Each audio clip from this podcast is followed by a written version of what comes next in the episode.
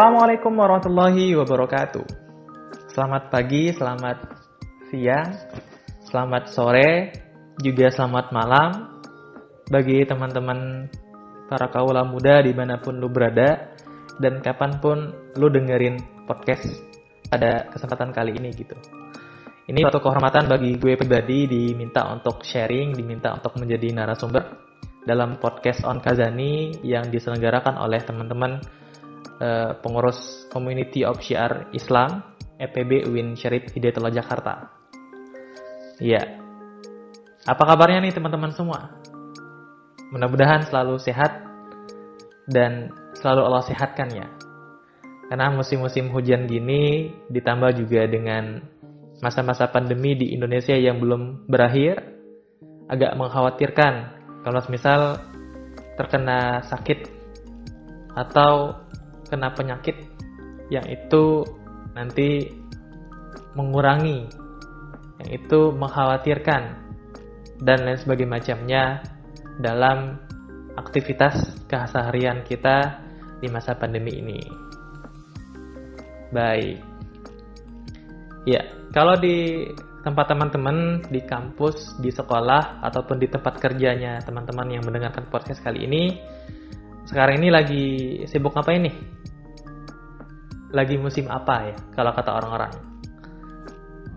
Kalau di kampus gue di UIN Syarif Hidayatullah kemarin kita sudah melaksanakan pesta demokrasi yaitu pemilihan umum raya yang memilih ketua BEM universitas, kemudian ketua BEM fakultas, kemudian juga senat, dan lain sebagainya macamnya. Kalau tahun ini itu full online, jadi mulai dari votingnya, terus juga pemilihan KPU-nya, bahkan sampai kampanye pun juga online ya. Jadi kemarin sempat menghangatkan suasana dunia per online ini. Ternyata anak-anak UIN itu krea, uh, ternyata anak-anak UIN itu kreatif ya mulai dari kampanyenya itu bagus-bagus banget bahkan ada yang uh, videonya itu bikin bikin kita ketawa ternyata itu jadi inilah uh, momentum kita dengan perkembangan teknologi sekarang. Mau tidak mau akhirnya kreativitas-kreativitas itu muncul di tengah pandemi ini. Iya ya begitu ya. Nah setelahnya di bulan November, kemudian bulan Desember awal, tentu di kampus UIN itu sudah mulai hektik dengan urusan akhir semester ya. Desember itu biasanya menunjukkan akhir semester, yang itu menandakan berarti bakal ada UAS tidak lama lagi. Oke, ya kesempatan pada kali ini gue bakal bahas mengenai UAS, disclaimer dikit ini. Nanti kita bakal banyak mendengarkan uh, apa yang gue sampaikan, opini gue pribadi tentang UAS yang mungkin di satu sisi itu nanti bakal agak bertentangan mungkin dengan teman-teman pendengar. Namun mudah-mudahan uh, dapat kita diskusikan lebih lanjut ya, karena yang namanya perbedaan itu nyata dan kita harus menghormati satu sama lain. Begitu. Jadi uh, jangan takut akan berbeda. Iya. Kalau mengenai UAS, gue teringat dengan salah satu pesan dari Imam Syafi'i kata beliau syakautu ila waqi'in su'a hibzi fa arsyadani ila tarkil ma'asi wa akhbarani bi anna ilma nurun wa nurullahi la yuhda lil asi kata beliau suatu ketika gue kata Imam Syafi'i itu pernah mengadukan kepada waki. Waki itu kalau diterjemahkan mungkin bisa sebagai guru, mentor, hakim, ataupun hal sejenisnya ya. Tentang gue tuh kok merasa bodoh banget ya. Gue tuh kok merasa hafalan gue itu nggak hafal-hafal. Gue tuh merasa kok pikiran gue itu standar banget gitu guru. Nah lantas gurunya itu bilang, Fa'arsyadani ila tarkil ma'asih. Maka kata beliau, lu itu syafi'i harus tinggalin maksiat. Oh akhbarani bi anna ilma nurun. Dan kata beliau lagi nih, kata gurunya itu. Dan sesungguhnya dan dan menyampaikan bi anna ilma nurun bahwasanya ilmu itu ibarat cahaya. Wa nurullahi la yuhda lil asi. Dan cahaya Allah itu tidak akan Allah turunkan tidak akan Allah sinarkan kepada orang-orang yang itu bermaksiat. Itu pesan dari gurunya pesan dari wakilnya Imam Syafi'i kepada Imam Syafi'i itu itu mengawali podcast kita pada kali hari ini Nah, berbicara mengenai UAS, tentu gue percaya dan pasti ini terjadi di di mana pun, baik di kampus ataupun di sekolah, kita mengenal yang namanya SKS atau sistem kebut semalam. Tuh, jadi dalam menghadapi UAS ini banyak retorika dan gayanya ya. Dan tak jarang ini yang menjadi rahasia umum kita itu memakai gaya SKS, sistem kebut semalam. Besok nih misalnya ada UAS MTK, malam ini bukannya belajar MTK, tapi ngapalin nomor-nomornya itu, ngapalin kunci jawabnya, ngapalin rumus-rumusnya gitu. Atau misalnya ngapalin hal ujian yang sudah kita pernah uji, misal, uh, latihan yang sudah uh, yang yang sudah pernah kita selesaikan, itu dihafalin gitu. Bukan dilatih ya tapi dihafalin. Itu itu cara cara belajar ngapalin banget ya? Atau misalnya besok uh, pelajaran bahasa Inggris gitu.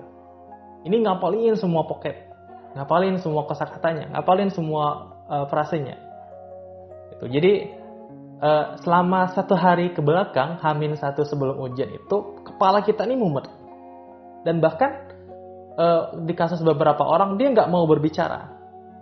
Dia nggak mau ketemu sama orang. Dia nggak mau nonton TV karena bagi dia kalau bisa satu hari ini otak dikondisikan dulu ya.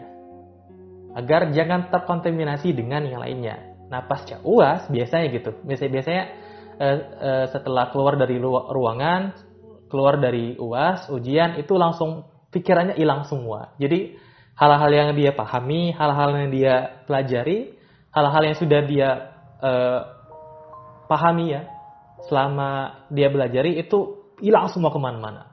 Jadi dia nggak peduli lagi ya. Yang jelas saat uas on time di kelas gitu, di saat uh, uasnya itu dia bisa menjawab semuanya. Tapi sisanya ini kebiasaan yang nggak bagus. Semua yang sudah kita hafal, yang sudah kita pelajari itu lenyap tak tersisa. itu itu cukup menarik. Nah menanggapi sistem SKS ini kalau di, dari gue pribadi sebetulnya sangat tidak direkomendasikan. Karena yang namanya demikian, ya berarti dari caranya saja itu kita sudah salah ya. Itu yang pertama kali yang gue mau tekanin adalah bagaimana cara kita menganggap belajar itu, baik di tingkat sekolah ataupun di tingkat kampus. Kalau memang kita menganggap belajar itu adalah untuk ujian, maka tentu kita hanya fokus kepada ujian. Kita hanya fokus bagaimana cara dapat nilai 10. Kita hanya fokus bagaimana cara dapat nilai A. Kita hanya fokus bagaimana cara agar jangan sampai nilai kita itu kalah sama yang lainnya. Nah, justru hal-hal yang demikian ini justru mempengaruhi cara belajar kita, termasuk ambisius dan motivasi untuk kita belajar. Itu boleh. Gue nggak nggak melarang uh, kita untuk berambisi misalnya dengan dapat nilai bagus. Tapi di satu sisi hal ada justru yang lebih bagus dan lebih baik daripada hal itu adalah memang konsisten untuk belajar gitu. Dibanding sistem sistem kebut semalam, gue lebih memilih dan menyarankan kalau misal kita persiapan dari jauh-jauh hari ya. Kalau dulu zaman sekolah, uh, gue persiapan UAS itu biasanya satu bulan satu bulan itu gue sudah sudah baca-baca buku, kemudian beberapa hal sudah gue rangkum, dan memang selama satu bulan ke belakang itu gue sudah mengurai aktivitas gue pribadi. Mulai dari misalnya eh, kesibukan-kesibukan organisasi, atau misalnya ngegames, atau misalnya nongkrong bareng, jalan bareng, dan sebagainya macamnya. Satu bulan itu badan sudah dikondisikan. Itu dan hal ini ternyata masih ada loh di kampus-kampus gitu. Khususnya kalau teman-teman punya teman di kampus Universitas Al Azhar Kairo, itu teman-teman Al Azhar kalau persiapan UAS nggak main-main gitu. Mereka nggak persiapannya satu hari, tapi justru berbulan-bulan sebelum itu. Itu nah hal ini yang menurut gue perlu kita contoh dan kita bangun bersama. Itu khususnya ini bagi teman-teman mahasiswa ya, khususnya teman-teman yang sibuk di dunia organisasi. Itu justru dunia organisasi ini bagi gue pribadi ada tantangan tersendiri gitu ini uh, teman-teman organisasi nggak jarang ya. Misalnya besok uas, tiba-tiba malam ini rapat. Atau besok uas misalnya, malam ini tiba-tiba dipanggil rektor. Besok uas, malam ini tiba-tiba ada kendala yang harus segera diselesaikan. Itu kan akhirnya membuat ketidakfokusan kita dalam berkuliah. Ya inilah mungkin membuat sebagian besar orang-orang yang sibuk di organisasi lantas banyak yang berpikiran, banyak yang bilang bahwa mereka dalam tanda kutip tidak bagus-bagus amat di dalam dunia akademiknya. Kalau untuk jago ngomong, jago aksi, jago lobby, itu mereka jagonya. Tapi kalau untuk di, di, di dalam kelas, mereka bukan apa-apa. Tapi gue, gue dari gue dari gue nggak sepakat ya, karena bisa aja orang-orang yang aktivis atau organisatoris, tapi justru hebat juga di dalam kelas. Dan itu ada, nggak mustahil untuk kita lakukan itu. Dan ini kalau kita simpulin ternyata memang masing-masing lagi kita kembali kepada diri kita. Bagaimana kita memanage waktu kita. Bagaimana kita mengendalikan pribadi kita agar dapat seimbang dalam melakukan berbagai macam aktivitas termasuk yang notabene-nya aman orang tua yaitu berkuliah. Nah, ngomongin UAS, selain dari sistem kebersamaan tak jarang justru juga kita temukan teman-teman yang memang sudah bersiap-siap ya sebelumnya. Tapi bersiap-siap ini dalam tanda kutip bersiap-siap yang jelek ya. Itu menyiapkan contekan. Itu umum banget ya kalau dari pengalaman saya, dari pengalaman gue. Teman-teman lihat teman-temannya uh, bikin catatan kecil atau bahkan yang uniknya lagi ada yang uh, sampai fotokopi itu disebarkan ke teman-temannya. Jadi mereka uh, punya geng, geng contekan. Jadi satu sama lain itu saling namanya musyarakah, saling bekerja sama satu sama lain.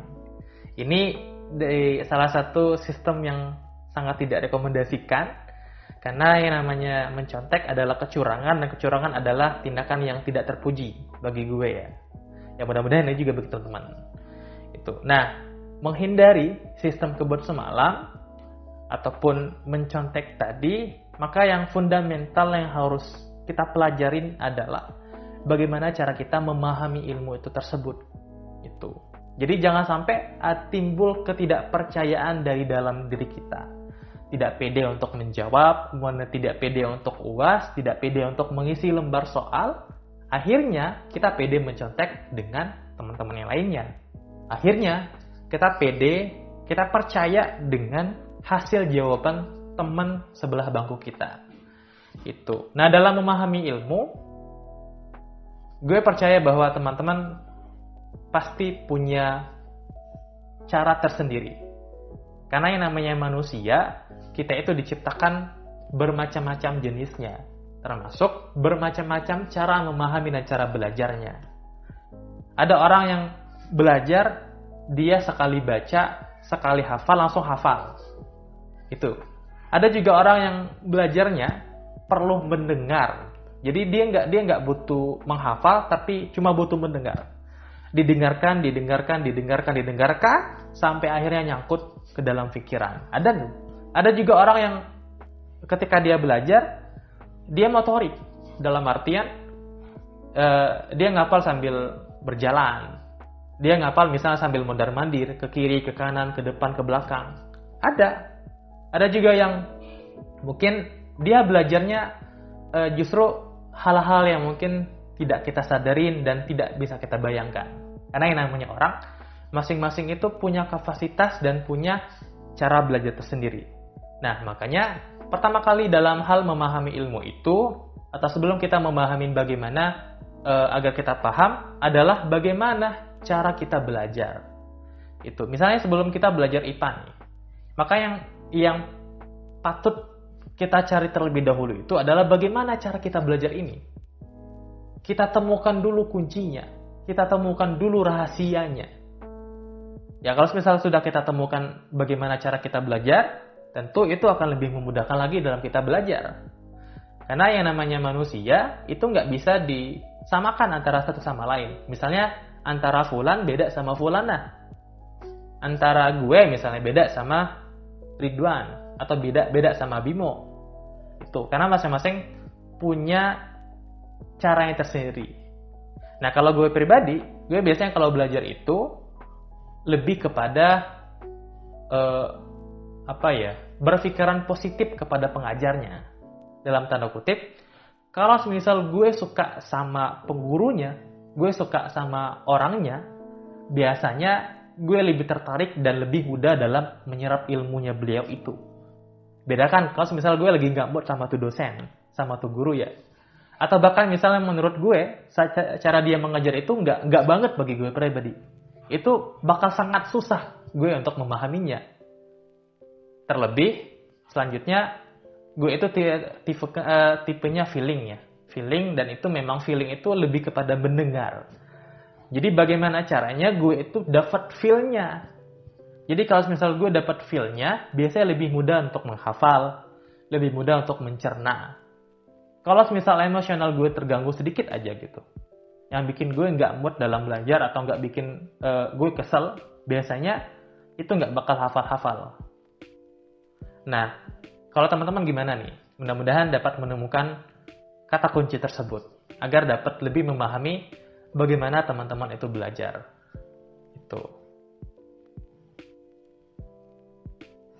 Khususnya dalam Islam, seperti yang tadi sudah gue sempat singgung di awal, bahwa salah satu agar kita cepat dalam memahami ilmu itu, atau cepat dalam belajar, cepat dalam memahami adalah dengan meninggalkan maksiat. Dengarlah kata Imam Syafi'i syakautu ila waqi'in suahibzi fa arsadani ila tarkil ma'asi. Kata gurunya, kalau misal kita pengen belajar yang rajin atau cepat memudah mudah memahami, maka tinggalkanlah maksiat. Kenapa demikian? Bi akhbarani bi anna ilma nurun wa nurullahi la yuhda lil asi. Karena ilmu itu ibarat cahaya dan cahaya Allah itu bakal disinari kepada orang yang itu tidak maksiat. Itu. Dalam artian gini loh, Allah itu menyuruh kita untuk berbuat baik. Tapi justru kita bermaksiat kepadanya. Menyekutukannya. Kemudian misalnya bahkan meminta dukun, berdukun, syirik, mencuri. Yang notabene-nya itu hal-hal yang itu tidak Allah senangin gitu. Ya itulah salah satu kenapa justru akhirnya kita susah untuk dalam memahami. Nah artinya kebalikan dari tersebut, kalau kita mau cerdas, mudah dipahami, mudah memahami, dan langsung dapat gitu. Kalau misal belajar, maka lakukan hal-hal yang sebaliknya. Rajin sholat duha, rajin sholat subuh. Jangan nanti tiba-tiba karena sudah keasyikan belajar sistem kebur semalam, sholat isya lewat, sholat subuh ketiduran, sholat duha apalagi. Dan bahkan misal nggak sempat mandi gara-gara sistem kebur semalam, itu nggak bagus. Makanya ini eh, nasihat juga buat gue pribadi, ujian itu sebetulnya ibadah karena kenapa ibadah? Karena di situ letaknya. Jadi selain kita bertawakal dan, dan berikhtiar, kita juga berusaha semakin dekat dengan Allah. Semakin bertawakal kepadanya.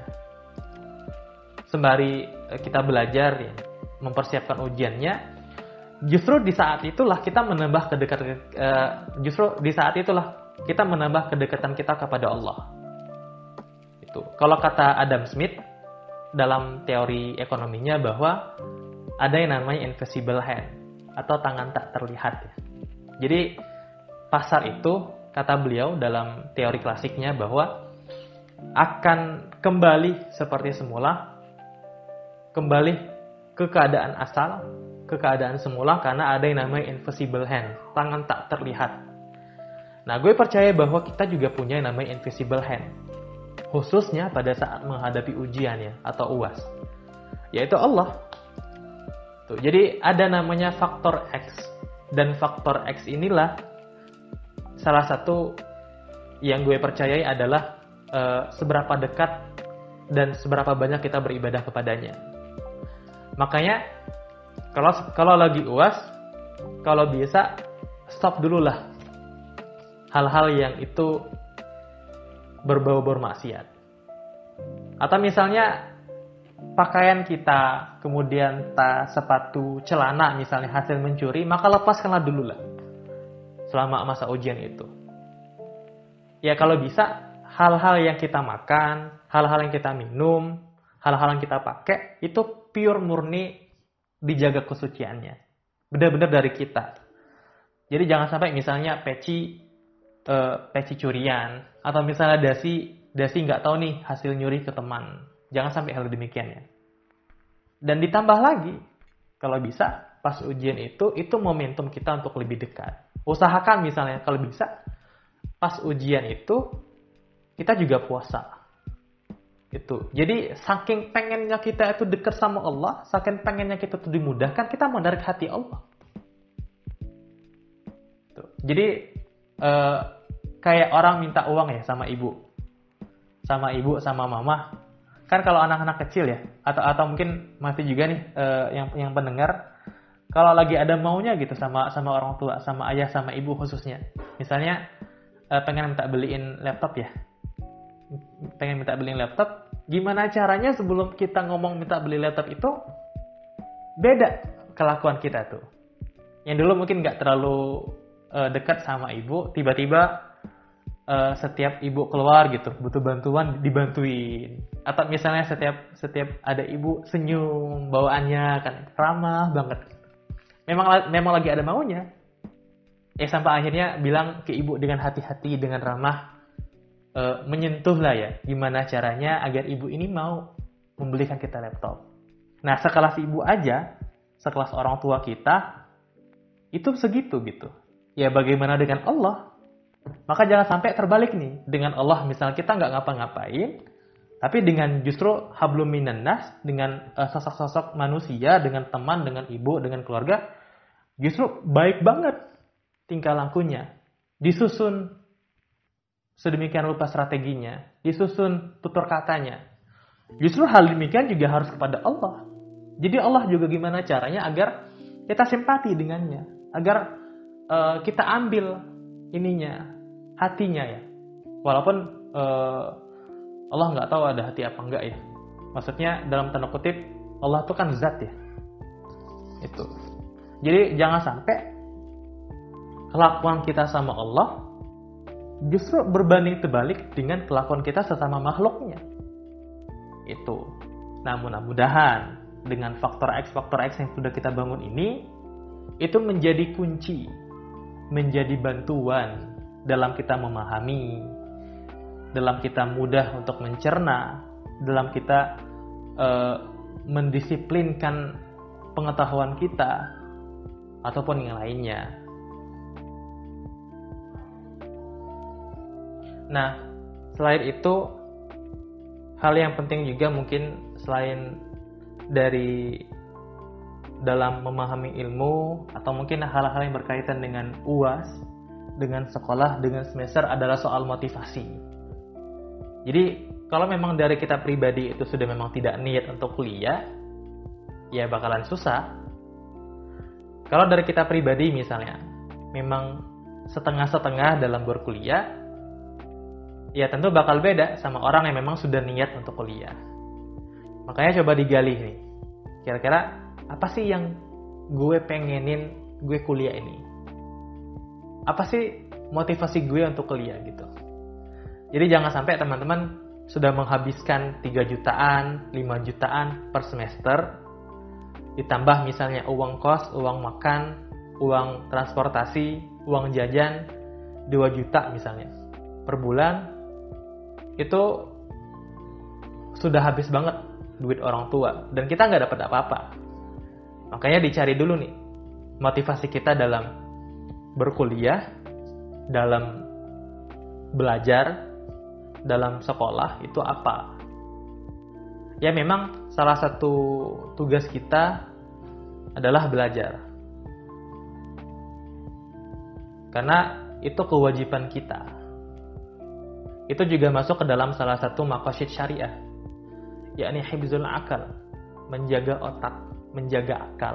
Kalau misal otak nggak dilatih, kalau misal otak nggak dikasih makan, nggak belajar, ya tentu otak ini akan tumpul.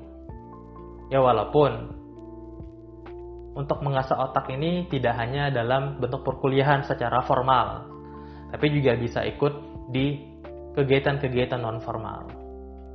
Itu. Jadi ini perlu digali lebih dalam masing-masing dari kita itu cobalah ngaca. Atau misalnya uh, ada waktu-waktu kita tuh coba nggak beraktivitas dulu. Jadi kerjaan itu mikir aja gitu, mikir uh, bertadabur. Kira-kira gue kuliah ngapain?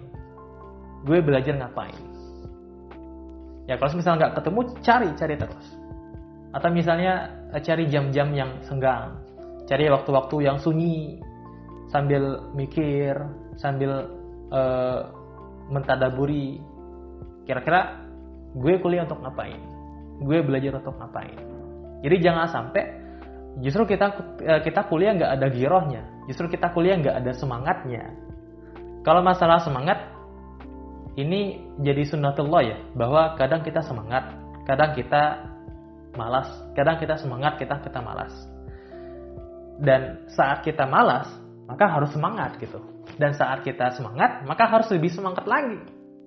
Ya sama kayak iman. Iman itu kata Rasul yazid wa yangkus. Kadang bertambah, kadang juga berkurang.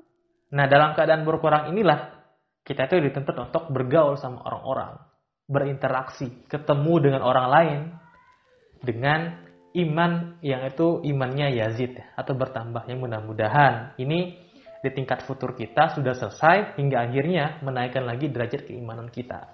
Yaitu sampai akhirnya iman kita tuh menjadi naik lagi. Nah pun sama dengan dengan dalam hal belajar. Kalau misal lagi semangat-semangatnya, maka dijaga semangat itu. Yang misalnya bisa baca buku 50 halaman sehari, maka dijaga itu, konsisten kalau bisa. Atau misalnya uh, selalu nge-review nih habis baca buku, habis baca buku-buku kuliah, maka dijaga semangatnya itu. Nah, kalaupun ternyata kita dalam keadaan males gitu, gara-gara misalnya nggak mood sama dosennya, lagi berantem sama temen, atau misalnya telat gara-gara dihukum dan sebagainya macamnya, cobalah untuk dibangkitkan semangatnya dengan e, bergaul dengan orang-orang yang mungkin bisa menghasilkan energi-energi positif. Karena kalau kata Zamil, Zamil Azaini dia bilang energi positif kita itu menyebar. Maka cobalah cari e, induknya, maka cobalah cari e, tempatnya agar kita tuh terkena sengatan positif dari energi, dari energi positif tersebut. Itu. Dulu waktu SMA, gue sempat nyantren di salah satu pesantren di Palembang. Di pertemuan terakhir di kelas 3 SMA, waktu itu kami buka bersama bareng wali kelas. Kemudian gue sangat ingat dengan nasihat beliau yang uh, sampai saat ini masih tertanam di diri gue dia bilang bahwa kita itu hidup terus menerus dan dunia ke depan itu bukannya malah semakin menurun tapi semakin meningkat dan tentu dia bilang ya ke kami bahwa tantangan-tantangan yang ada kesulitan-kesulitan yang ada itu pasti lebih berat dari apa yang kalian hadapi sekarang. Jadi intinya itu. Jadi dia e, beliau pengen bilang ke kami ke kami bahwa tantangan-tantangan, keadaan-keadaan ke depan itu semakin sulit ya, bukannya semakin mudah. Nah, hal yang demikian juga ini ini terjadi pada e, pada kita ya. Dan dalam dunia perkuliahan atau dunia sekolah tentu masing-masing dari kita itu pasti dari waktu ke waktu, dari tahun ke tahun bakal naik kelas, bakal naik semester ya. Nah, dari semester 1 ke semester 2, dari semester 2 ke semester 3, dari kelas 1 ke kelas 2, dari kelas 2 ke kelas 3, terus naik naik naik terus, itu bukannya makin mudah, tapi makin sulit. Percayalah, anak-anak maba semester 1 itu justru lebih mudah dibanding anak-anak semester 3. Anak-anak semester 3 itu justru lebih mudah ketimbang anak-anak semester 5. Karena karena kenapa demikian? Karena bobot yang mereka terima itu beda-beda. Terlebih ini khusus bagi mereka yang aktif di berbagai organisasi. Jadi eh, ini inilah yang mungkin sering gue sampaikan ke para minti gue, ke para anak eh, rekan-rekan yang mungkin tergabung dengan mentoring gue. Gue eh, gue bilang bahwa kalau bisa kita punya strategi dalam berkuliah. Kita punya strategi dalam sekolah. Orang perang aja punya strategi loh untuk menang. Ya, makanya dalam uh, kuliah kita juga harus, harus punya strategi. Ini ini perang loh. Ini perang perang intelektual. Ini perang di bangku perkuliahan dalam tanda kutip. Makanya kita juga harus punya strategi. Yang sering gue sampaikan bahwa kalau bisa di semester-semester awal fokuslah perkuliahan. Kalau bisa jangan dulu masuk organisasi. Kalaupun pengen masuk, cukup satu dulu untuk organisasi. Nah, di awal perkuliahan itu, cobalah semangat bener gitu. Apalagi khusus anak-anak maba ya. Kalau bisa, targetin di semester awal itu dapat IPK yang sempurna. Ya walaupun eh, sedari awal gue pernah bilang bahwa jangan menjadikan patokan nilai ya, tapi nggak apa-apa. Ini menjadi indikator untuk semangat menjadi goals yang pengen kita raih. Itu karena kenapa demikian? Karena kalau semester awal itu aktivitasnya nggak terlalu banyak. Kita fokus kuliah, beban-beban organisasi juga nggak terlalu ada. Paling kuliah. Ya syukur-syukur teman-teman, misalnya kuliah lancar, nggak pernah nggak masuk, kemudian dekat sama dosen, setiap tugas ngumpulin selalu, selalu hadir, itu mudah-mudahan insya Allah bakal uh, dapat IPK yang sempurna. Nah, IPK sempurna ini atau mungkin IPK yang besar ini di awal itu mempengaruhi kinerja dan motivasi kita untuk di semester-semester selanjutnya. Karena kenapa demikian? Karena kalau semisal e, nilai kita bagus, pemahaman kita baik, tentu semester depan dari kita terpacu untuk tetap, untuk konsisten, untuk kalau bisa semester depan itu jangan sampai turun. Nah beda kasusnya dengan orang-orang yang mungkin sedari awal nggak pakai strategi gitu karena mungkin sudah semangat-semangatnya masuk kampus, masuk kuliah, tiba-tiba ikut semua lini organisasi. Baliknya tengah malam terus. Kemudian misalnya nggak sempat belajar sistem kebersemalam. Eh, pas diumumin nilainya, buka sistem AIS misal kalau di UIN, lihat tiba-tiba nilainya ada D, ada C, ada E bahkan misalnya. Itu justru bukannya memperbaiki masalah, tapi memperburuk gitu. Orang-orang yang sedari awal sudah lihat nilainya jelek, itu shock. Saat dia shock, pikirannya jadi negatif. Saat pikirannya jadi negatif, dia malas. Dan saat dia malas, dia nggak enak mau ngapa-ngapain. Mau kuliah juga rasa-rasanya masih cemas, masih shock. Mau ikut organisasi mikir-mikir. Ini uh, kuliah gue hancur.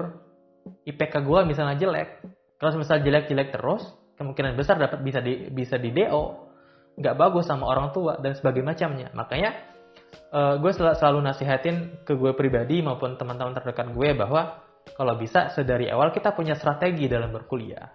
Ya termasuk ini, kalau bisa di awal uh, fokuslah ke dulu ke dalam dunia akademik. Nah baru di semester 3, semester 2, kalau teman-teman mau aktif di organisasi, maka aktiflah. Maka berkontribusilah, maka totalitaslah, jangan setengah-setengah.